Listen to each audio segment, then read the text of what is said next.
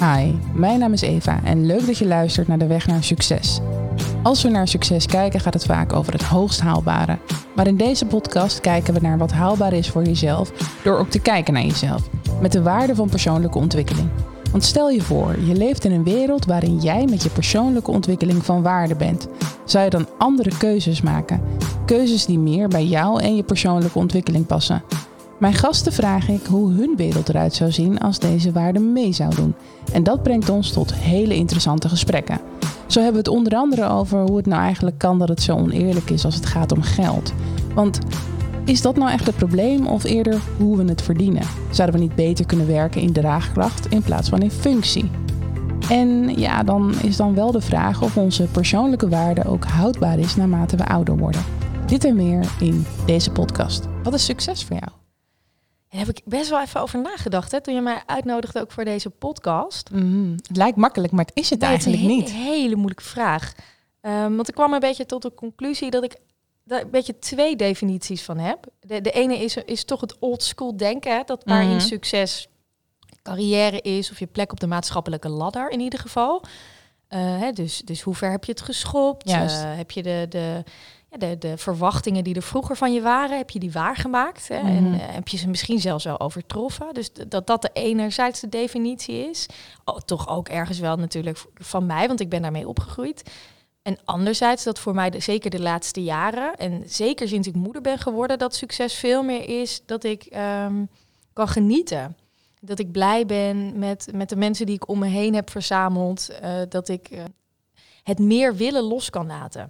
Dus voor mij is succes voor mij, mezelf persoonlijk ook ehm, in het hier en nu blij zijn met wat ik heb. Ja. En het continu maar meer willen en meer willen consumeren en, grotere dromen moeten hebben, dat ik dat loslaat. Mooi. Maar Ja, daar gaan we. Inderdaad. dus Het is een mooi eh, beeld wat je schetst. Maar leef je het na? Nou, ik probeer dat dus, maar ik ben daar echt totaal nog niet. Want, Nee. want dat, die andere vorm van succes zit, eh, ja, dat zul je vast herkennen. Dat zit zo in je achterhoofd en dat is zo waar je altijd mee omringd bent, dat het ook heel veel energie kost om te focussen op die andere definitie van succes. Ja. Dus ik, Nou ja, het is natuurlijk een beleving. Hè? Succes is wel waar we, eh, wat we najagen. Ja. Dus op het moment dat je dat echt voelt en ook echt vanuit je hart ervaart, dan ga je eigenlijk automatisch die kant op. Maar als dat gevoel dus geblokkeerd wordt doordat het systeem eigenlijk zegt, hé, maar dit is succes, ja, dan, dan blokkeer je dus ook jouw gevoel. Ja, ja, ik denk dat het wel klopt. Ja, en ook gewoon continu. ik zei het kost energie, maar dat zit hem ook in continu jezelf afvragen: waarom wil ik dit? Wil Mhm. ik dit omdat dat past bij eh, eh, een, een opgelegde norm of iets wat ik mezelf misschien opleg? Ja. Of wil ik dit omdat dit gewoon goed voelt? En dan kan dat, dat ook het antwoord zijn. Hè? Het voelt gewoon goed en daarom doe ik dat. En, en vaak vallen later ook de puzzelstukjes wel in elkaar, waarom je dan die kant op bent gegaan. Mhm. Eh, en ik probeer wel de laatste tijd om daar steeds meer bij stil te staan. Waarom maak ik een keuze? Waarom hecht ik ergens belang aan? Krijg ik er energie van? En wat doet het met je op het moment dat je daar antwoord op vindt en naar handelt? Waarin je dus buiten het systeem Ja. handelt, hè? Ja, dus ik word vanuit jou.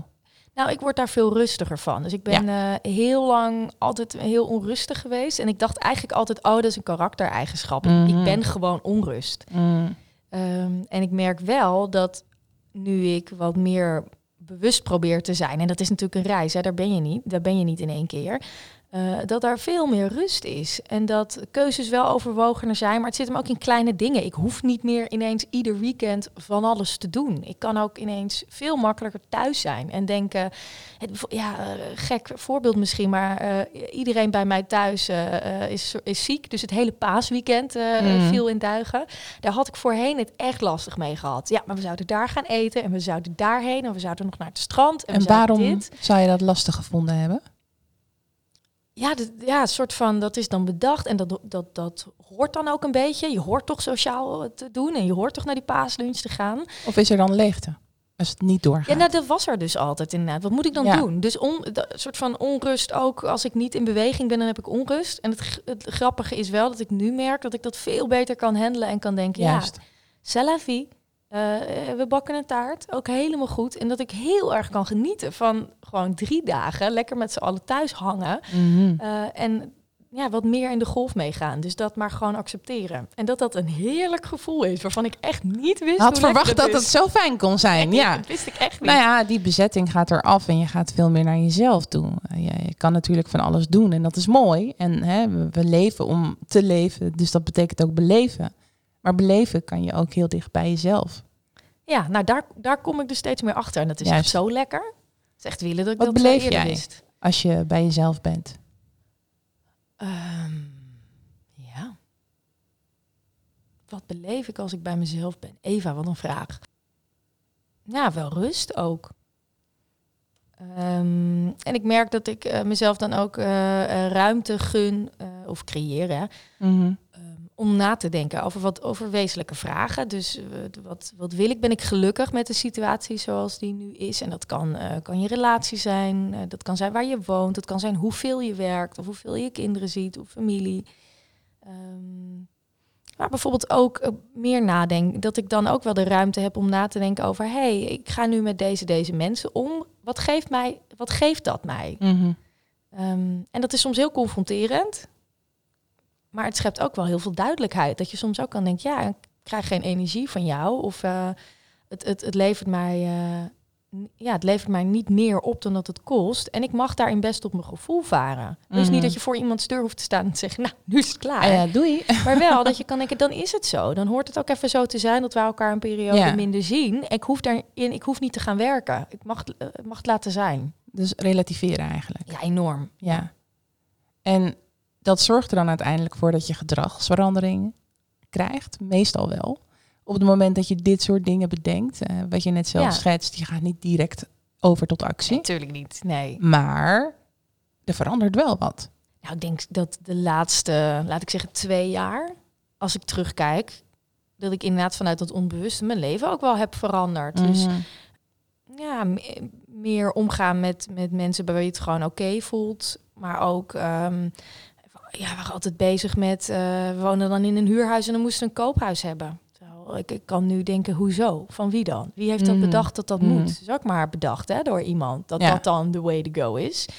Ja, dus daar veel meer, in, veel meer zen mee zijn, oké mee zijn. En eh, ja, dat, eh, voorheen kon ik me het ook aantrekken als er mensen bij ons thuis komen. Ik woonde echt in zo'n karig huurhuis met een hele lelijke keuken. Ja. En als mensen daar dan wat van zeiden, dan dacht ik altijd, oh, ik moet die keuken veranderen. Terwijl nu kan ik denken, ja, hij doet het en I don't care. En het is oké. Mijn geluk hangt niet af van hoe mijn keuken eruit ziet. Hij functioneert, ik kan Mhm. lekker koken. Mhm. En het kost hartstikke veel geld om dat te gaan veranderen. En ik ga eh, ik creëer van dat geld liever iets anders. Juist. Dus perfect. En dat is zo lekker. Als je teruggaat naar de oude Marit en je zoomt in op dit stuk waar je nu dus ja, toch wel veel meer relativeert, bewust kijkt naar wat jij wilt en niet zozeer naar wat er van je verwacht wordt. Hoe sta je dan in je schoenen? Want waarom vond je dat zo belangrijk?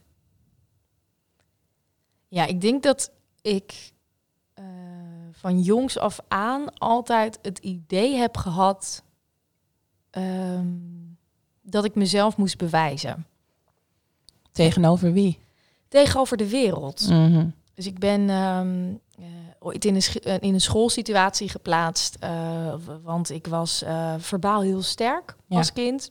Maar ik ben heel Nog steeds slecht. volgens mij, Nog hè? steeds. ja, dat hoop ik wel. Ik heb er mijn werk van gemaakt. Ja, Ja. precies. Stil there. Ehm, maar ik was verbaal heel sterk, kon heel vroeg praten. Ik vond het ook altijd al heel leuk om hele moeilijke woorden te gebruiken en te spelen met taal en te kijken wat doet taal. Ehm, en maar wiskunde en, en eh, de weg eh, kennen, dat is absoluut niet mijn sterkste punt. En dat was het als kind zeker niet. Dus dat lag Mhm. heel erg uit elkaar. En eh, ja, in de jaren negentig eh, hadden we helemaal nog niet een schoolsysteem met ondersteuning en kijken naar wat een kind nodig heeft. Dus je werd dan gewoon in een schoolsituatie geplaatst die het makkelijkst was voor de school. Mhm. In mijn Mhm. geval eh, was dat een andere basisschool waar ik heen ging. En ik heb daardoor, en dat werd ook niet meer geherdefinieerd, want we hadden ook geld als water hè, voor dat soort kinderen. Dus als je te druk was, dan was er, dan werd je op een school geplaatst voor drukke kinderen en dan was er wel genoeg geld. Nu kijken we veel meer naar wat heeft een kind nodig, maar dat was toen niet en het ging ook goed met mij daar, dus daar bleef je dan. Mhm. Maar dat heeft onbewust zo'n impact op mij gehad van, vanuit het idee, ik ben dus niet goed genoeg Mhm. omdat eh, dat stukje dat je heel taalvaardig bent, maar ja, eh, dat je je rekencoördinatie, of hoe je het ook mag noemen, slechter is, dat is dus fout. Dus ik ben fout. Als ik mezelf vergelijk met andere kinderen, ben ik dus niet goed genoeg. Ja, en dat is, dat is een achteraf gezien misschien een heel klein moment geweest, maar dat heeft zo'n impact gehad. ehm, omdat je dan dus heel erg vanuit dat idee gaat leven. Dus ik moet goed genoeg worden. Dus ik moet op hetzelfde niveau als de rest komen. Dus ik moet Mm. mezelf aanpassen. Mhm. Nou ja, eh, als je daarnaar kijkt, hè, je zegt eigenlijk voor de wereld, voor de buitenwereld, Ja, wil ik mezelf bewijzen. Voor hun wilde ik het laten zien. Hè, zo ben ik, zo kan ik zijn en mijn best doen. Maar als je goed kijkt, gaat het dan niet vooral om jezelf? ja nu wel, maar... Nee, maar even terugkijken naar vroeger. Oh. Want je zegt wel, ik, ik deed het eigenlijk voor de buitenwereld.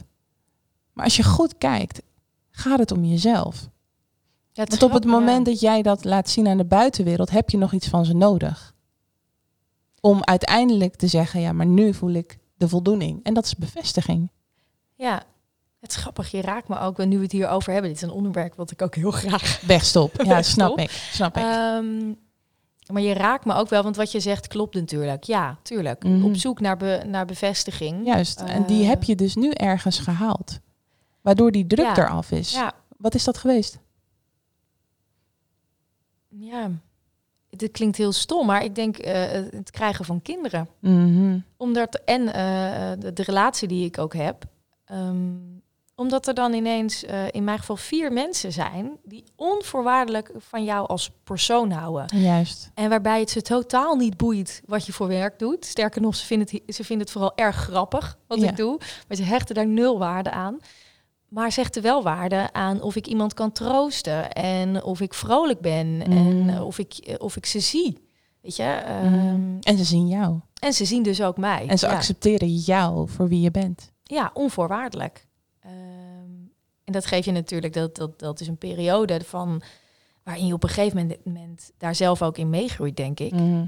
En daar dus zelf ook veel meer waarde aan gaat hechten. Want ja, wat, eh, wat- het allerbelangrijkste voor mij is vooral dat ik een moeder ben die goed kan troosten en waar je je veilig bij voelt. Ik hoop echt een mens te zijn eh, voor iedereen in mijn omgeving waarvan je denkt, nou, als eh, shit hits the fan, kan ik daar altijd terecht. Mag ik daar altijd zijn? Mhm. Mooi wat je zegt. Ja, Dat je kinderen jou eigenlijk terugbrengen naar je eigen ja, behoeften. En dat is het Ja. vervullen van, van bevestiging. had ik ook nooit gedacht. Nee, precies, precies. Maar dat is toch prachtig. Ja. Maar het is wel eh, iets wat in de maatschappij leeft. Hè? Ja. Eh, op zoek gaan naar die voldoening eh, vanuit de vorm van waardering of bevestiging. En elkaar vooral laten zien dat we het goed doen, zodat we uiteindelijk ook kunnen ontvangen. Dat is een beetje waar het naartoe gaat. Als we nu kijken naar de waarde van persoonlijke ontwikkeling. Ik vind dat dat binnen het waardesysteem geplaatst moet worden. En dat we daar veel bewuster Mhm. mee moeten leven. Dat betekent dus eigenlijk dat dat in eh, hè, educatie en arbeid eh, meegenomen wordt. Dus dat je veel meer gaat kijken naar wie het is in plaats van wat het kan. Ja. So who is you as a person? En dan kun je daarnaast samen kijken hoe passen we dan dat de persoon eventueel aan. Hè, of hoe gaan, we, eh, hoe gaan we samen kijken naar de invulling van bepaalde dingen. Als je weer teruggaat naar jouw schoolperiode, waarin je eigenlijk wel bemerkt dat je een, ja, een voorkeur voor iets hebt, verbaal, communiceren, taal. En de rest daarbuiten valt eigenlijk een beetje weg. Hoe zou je die waarde meenemen als je hem terug kon meenemen in jouw schooltijd en hij wel meedeed? Ja, het is een beetje wat de dream world, hè? Nou nee, dat is meer een beetje, hoe zou je dat doen?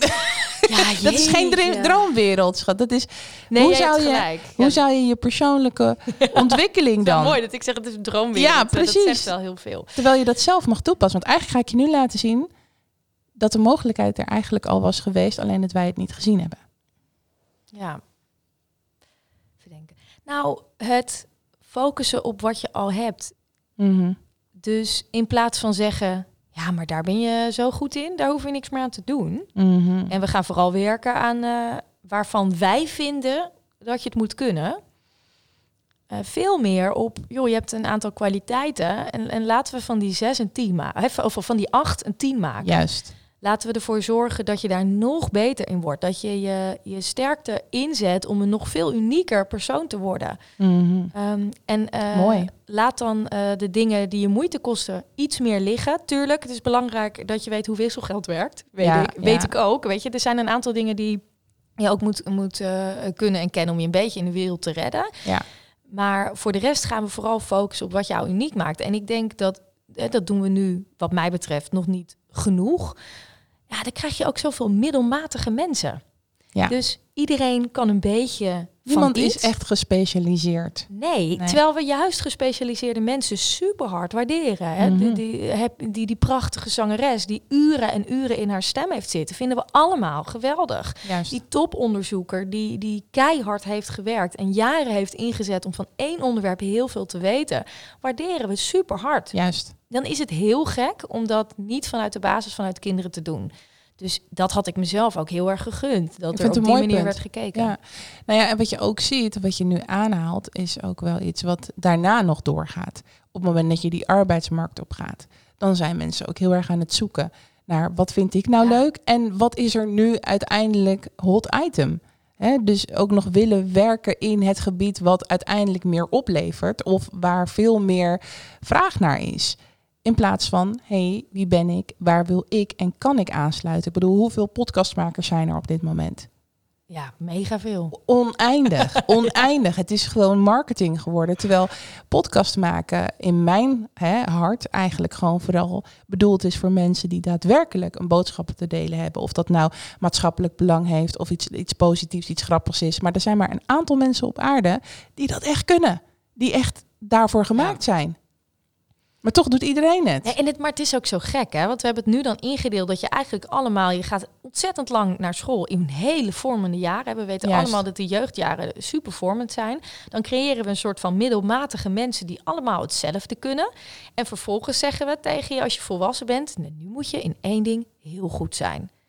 Maar hoe dan? Dat heb je Nou ja, helemaal niet geleerd. Nou is- ja, dat is één. En twee is ook wel dat je uiteindelijk weer in je studie een bepaalde richting opgaat. Dus je gaat weer de andere kant op werken. Je hebt de persoon en je hebt daarbij de skills die jij nodig hebt. Ja. En die ga je aanleren. En niet, hey, dit is de persoon. Wat gaan we in jou stoppen om jou uiteindelijk te laten ontploffen? Want het draait dus om alles wat buiten ons om ligt. Wat het dus ook zo maakt dat wij buiten ons om gaan kijken. In plaats van dat we vooral bij onszelf Ja, en zijn. het stomme is, ik denk dat als je aan iedereen zou vragen wat wil je, dat niemand kiest voor hoe we het nu doen. Nee. Dus als we dus nu naar die waarde van persoonlijke ontwikkeling gaan en we nemen hem wat breder mee. Ja. De wereld in, jouw wereld. Hoe ziet dat er dan uit? Ja, dan hebben we een, een, een wereld waarin we elkaar daar ook op bevragen. Hoe zie je dat voor je?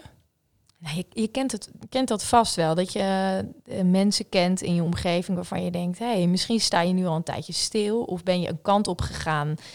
Zeker bij bijvoorbeeld mensen die je al vanuit je jeugd kent. Hè? Ja, ja. Die, die ken je eh, eigenlijk vanuit hoe je in de basis bent. En op een gegeven moment ontwikkelt iemand zich een kant op. En dat je soms denkt, ehm hey, is dat eigenlijk de kant die bij jou past? Maak je nu gebruik van, van de talenten die je altijd al had en de eigenschappen die jou zo leuk maakten en zo uniek maakten? Maar deze is ook wel een beetje een soort van, nou, daar gaan we het niet over hebben. Dat zijn, eh, dat zijn wel hele heftige vragen om te stellen. En in mijn ideale wereld stellen we juist die vragen. Dus je We gaat vragen- van die oppervlakte af. Ja, En je zoekt bevragen we elkaar Ja. continu. ehm, met een open houding. Hè? Want, want hoe ik het nu schets is natuurlijk dat je er een oordeel over hebt. Maar juist van, hé, hey, vroeger was je zo en zo. Je doet nu dit. Neem me, neem me mee. Hoe is dat zo ontstaan? Ben je, zijn er nog eigenschappen Eigenlijk zeg die je in wil zetten? Dan kunnen we kwetsbaarder zijn. Ja. Ja. Dat is nu niet. Nee. Vind je dat lastig? Ja, heel erg. Ja. Kan je dat uitleggen? Ehm, nou, eigenlijk dit soort gesprekken, zoals Mm. wij het nu hebben, waarin je natuurlijk eh, ook met jezelf geconfronteerd wordt, maar de, de, de ander ook met zichzelf. En je zoekt een beetje de grens op, je bent aan het aftasten. Daar haal ik heel veel energie en plezier uit. En ik, het liefste heb ik die gesprekken echt de hele dag met, met iedereen. Maar zo zit de, zit de maatschappij op dit moment helemaal niet in elkaar. Ehm, en dat vind ik wel eens lastig, omdat het dan ook heel moeilijk is om te kijken wie heb je nou echt voor je zitten. Juist, dat echte. Ja. Ik denk ook dat het, als je naar de natuur kijkt, hè, om het even een naam te geven. Wij zijn mensen en we hebben bepaalde emoties. En je ziet ook dat wij uh, samen moeten leven. Daarvoor hè, zijn we met z'n allen. We, we, zitten alleen in een hokje nogal depressief ja. te zijn. Dus het is de bedoeling dat we samenleven en dat hebben wij op een bepaalde manier ingericht. En dit is hoe het ons is aangeleerd. Maar die samenleving die geeft echt wel een paar foutmeldingen aan. En als je goed kijkt, dan zie je ook dat als je verbindt, dus in een relatie of in een vriendschap of hè, een familie, dat daar zoveel meer voor elkaar gedaan wordt. En dat die verbinding veel sterker is. Wij hebben ervoor gekozen om alleen te verbinden met hun op dat level. Maar als je het mij vraagt, moeten we allemaal op die manier met elkaar verbinden. Ja, dat zou te gek zijn. Ik vind het ook altijd zo gek, hè? Ik denk echt dat, het zo bedoeld is ook. Dat je als mensen relatieproblemen hebben, dan hoor je dat heel vaak op het moment dat het al uh, geëscaleerd is. Hè? We gaan scheiden, we gaan uit elkaar, hij is vreemd gegaan. Maar die hele fase daarvoor, waarin je twijfelt, waarin je zoekt met elkaar, uh, maar ook individueel, die wordt heel vaak niet gedeeld. Dat is zo gek eigenlijk. Als je uitgaat vanuit uh, in verbinding staan en kwetsbaar zijn, waarom zou je dat soort dingen niet ook delen met Onzekerheid. Met vrienden, met je omgeving. Dat je het niet weet. Het zou zo mooi zijn als we het niet weten. En dat mogen bespreken met elkaar. Maar dat kan dus wel op het moment dat je meer verbinding maakt. Hoe meer verbonden je bent, hoe meer je dus met elkaar deelt. Ja, ik denk dat dat een grote uitdaging is. Maar dat zorgt er wel voor dat we dus diepgang moeten hebben. Want zonder diepgang, oftewel zonder context, geen verbinding. Nee, dat klopt. En nu zijn we heel oppervlakkig bezig. En we werken dus met mensen samen die we wel meer zien dan onze familie, vrienden hè? en uh, nou ja, partner soms wel. En daar zijn we toch nog steeds niet mee verbonden zoals het hoort. Terwijl ze zoveel in ons leven zijn. Ja, gek is dat eigenlijk. Tuurlijk ben je dan koud. Tuurlijk voel je je dan ongemakkelijk en ben je onzeker. En heb je het idee dat je misschien iets beter moet gaan doen om maar verbinding te maken. Als je het mij vraagt, is het willen van succes hebben met name bedoeld om verbinding te maken. Wij hebben een continue drang om een doel te behalen. En dat is één, in verbinding staan. Zouden wij met iedereen verbonden zijn en oneindig veel liefde voelen, zou er niemand twijfelen of ongelukkig zijn. Ja, dat is ook zo grappig, hè? Want ik probeer mezelf dan ook eh, uit te dagen van hoe ziet die, hoe ziet die hoe zou dat dan, er dan, zijn, ja. dan uit? Um, want je zoekt natuurlijk uh, individueel heel erg naar die verbinding. Althans, uh, uh, ik probeer dat zeker. Nou ja, we zoeken waardering vooral. Ja, um, maar hoe ga je dan ook om hè, op het moment dat die ander daar helemaal nog niet voor open staat? Of, of, of... Nou, dat is nu het verhaal. Ja, stel je voor stel dat de wereld dat weg zou vallen. Er nou, wel voor open staat. Wat een rust, wat een, wat een ruimte heb je dan. Maar überhaupt, waar gaat het leven dan over? Het gaat niet alleen maar om werken om te werken. Het gaat niet alleen maar om naar school gaan. Je staat letterlijk met de wereld in verbinding. Ik denk dat we dan ook helemaal niet meer zouden denken in, in school of, of op papiertjes of diploma's, maar veel meer in uh, uh, mogelijkheden. Ja, waar, waar, waar, wil je naartoe? Wat heb je van ons? Heb je iets van mhm. mij nodig? Heb je iets van een ander nodig? Maar dat komt omdat je context krijgt. Op het moment dat jij dus naar je dochter kijkt, even een van de kinderen uh, hè, als voorbeeld nemen, ja. dan heb jij een context. Ja. Dus jij kan haar heel mooi sturen en op een plek plaatsen die bij haar past als ouder. Ja. Dat is wel je taak en dat is ook wat je doet vanuit je liefde en vanuit die verbinding. Ja. Nou, als je dat dus inderdaad krijgt over de wereld heen, dan is dat ook meer wat we met elkaar gaan doen. We hebben veel meer context. En nu zeggen we eigenlijk, nee, naar buiten toe geen context, oppervlakte. In het nieuws, hè, dus eh, de media, jij zit daar ook in natuurlijk, uh, wordt er vooral vanuit die oppervlakte gedeeld. En echt context maken en alles naast elkaar plaatsen, ja, daarvoor is tijd nodig. Ik en tijd net, hebben dat zou we niet. ik net zeggen. Het is inderdaad om dat te kunnen doen, moet je uh, misschien wel oneindig tijd hebben. Hè? En zeggen we, we, we, hebben, we zijn zo zeker in de media, en daar doe ik zelf ook absoluut aan mee, zo vanuit deadlines geredeneerd. maar dat kan dus niet. Maar dat gaat niet als je echt heel. Uh, ja, maar dus daarmee is het eigenlijk al niet realistisch. Het kan helemaal niet binnen dat tijdsbestek. Dus net wat je in het begin zei, we gaan even terug. Het is zo mooi als we gespecialiseerd zijn in iets. Het is zo mooi als we één ding helemaal uitpakken. We hebben zoveel mediabronnen. En allemaal brengen ze op een dag dezelfde highlights, ongeveer dezelfde nieuwslijntjes. Terwijl, waarom kiezen ze niet één honk waar ze helemaal over uitweiden? Ja, nou ja, maar dat gebeurt natuurlijk wel? steeds meer. Dat vind, ik vind het wel mooi Social dat je media. daar wel een tendens, tendens in ziet. Hè? Dus dat je uh, steeds meer ook zelf kan kiezen wie je, wie je volgt. Dat er steeds meer platforms zijn die wel die focus aanbrengen. En niet allemaal op de hype of op het verdienmodel gaan zitten. Nee, zitten op je kracht. En die moet je dus vinden. Ja. Als we een film kijken of een serie, in de meeste gevallen is bij een film heel duidelijk, dan wordt er eerst context gemaakt. Dan zie je dus eerst wat meer van die personage, de achtergrond, het leefpatroon, de verbindingen, waardoor je eigenlijk al die band hebt gecreëerd. Ja. Heel snel gaat dat. Daar heb je echt niet veel voor nodig. Maar er wordt niet alleen maar gezegd wat voor werk die perso- personage doet. Deze hele saaie films zijn. Nou, precies. Dus eigenlijk kunnen wij een voorbeeld nemen aan een film. Hoe zouden we onszelf in de toekomst moeten voorstellen, zoals we een voorstelling krijgen in een film? Veel meer vertellen. Ja, maar dat is wel wat er gebeurt. Wij hebben helemaal niet zoveel tijd nodig om context te maken. We hebben net de juiste kernwoorden nodig, zoals jij net zei. Hè, kernnormen en waarden. Nee, de kernwoorden, de basis is niet alleen maar wat voor werk doe je, wie ben je, waar zit je mee, wat speelt er om je heen, waar woon je en hoe ben je als persoon? Dat is de vraag. Ja, waar kom je vandaan? Hoe is you? Ja. Daar gaan we mee afsluiten. Mooi. Ik wil jou bedanken Ja. voor je openheid, het zijn van wie je bent en eh, natuurlijk eh, ja, het delen van jouw visie op mijn kijk van de waarde van persoonlijke ontwikkeling.